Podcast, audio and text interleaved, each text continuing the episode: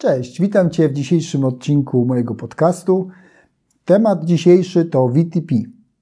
VTP, czyli mechanizm wprowadzony przez Cisco do ułatwienia sobie konfiguracji VLANów i propagacji tych VLANów na różne przełączniki. Więc zacznijmy od zalet.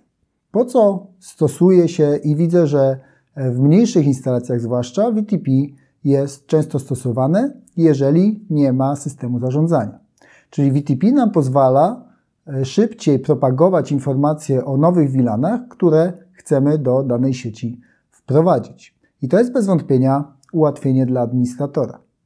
VTP może pracować w trzech trybach, czyli w trybie serwer, czyli to jest taki tryb, w którym dany przełącznik e, jest jakby piszącym te reguły, wysyłającym te reguły do innych przełączników e, i to jest rola taka nadrzędna.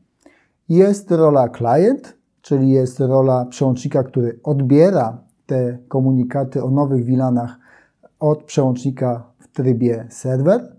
No i jest rola transparent, czyli rola przeźroczysta, pasywna, e, która uruchamia na przełączniku e, ten tryb VTP tylko w takim trybie przesyłania dalej.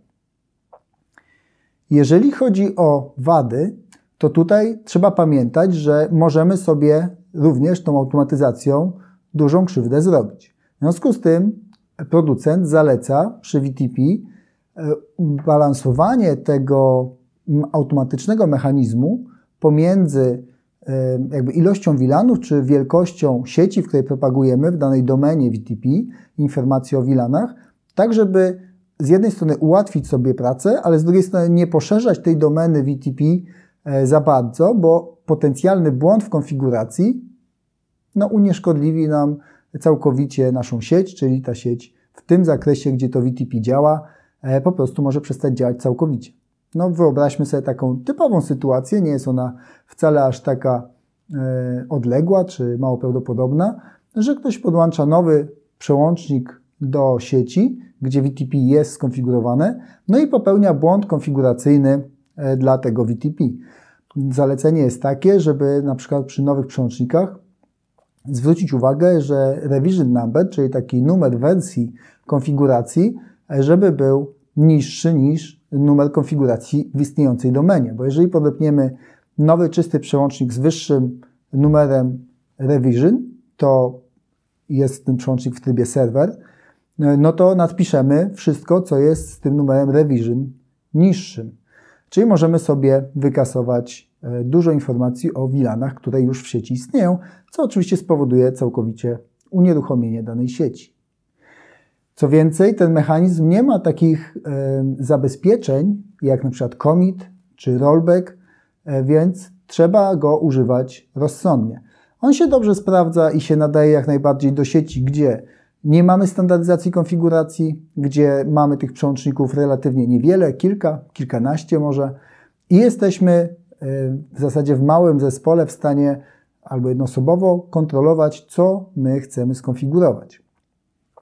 Ja osobiście nie jestem fanem wielkim e, VTP e, i tego typu mechanizmów automatyzacji, dlatego że uważam, że lepiej jest pójść w stronę systemu zarządzania, który oprócz tej automatyzacji daje możliwość e, innych funkcji monitorowania, e, możliwość tworzenia e, sztywnych schematów czy takich template'ów konfiguracji, możliwość monitorowania, które z urządzeń się od tej konfiguracji odrywają, nie zgadzają. Daje to dużo więcej możliwości, jeżeli mamy system zarządzania. I faktycznie VTP był standardowo stosowany w takich konfiguracjach czy takich miejscach, gdzie kogoś po prostu nie było stać na system zarządzania z jakiegoś powodu, a chciał sobie ułatwić życie takie codzienne administratora. Natomiast dzisiaj się sytuacja dość mocno zmienia, jeżeli chodzi o systemy zarządzania, bo te systemy już nie kosztują tyle co kiedyś.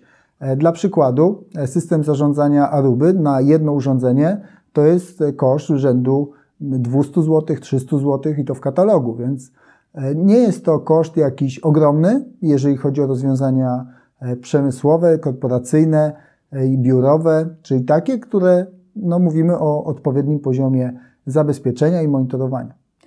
A jeżeli używamy systemu centralnego zarządzania konfiguracją, no to tworzymy najczęściej schemat konfiguracji, który jest spójny dla danego typu przełącznika. I wtedy nam się ten cały model dużo lepiej skaluje. Więc jeżeli chodzi o VTP, nadaje się ten mechanizm do sieci raczej niewielkich. Jeżeli te sieci są większe, no to należałoby e, podzielić sobie na różne domeny to VTP, ale to też z kolei zaczyna nam utrudniać zarządzanie.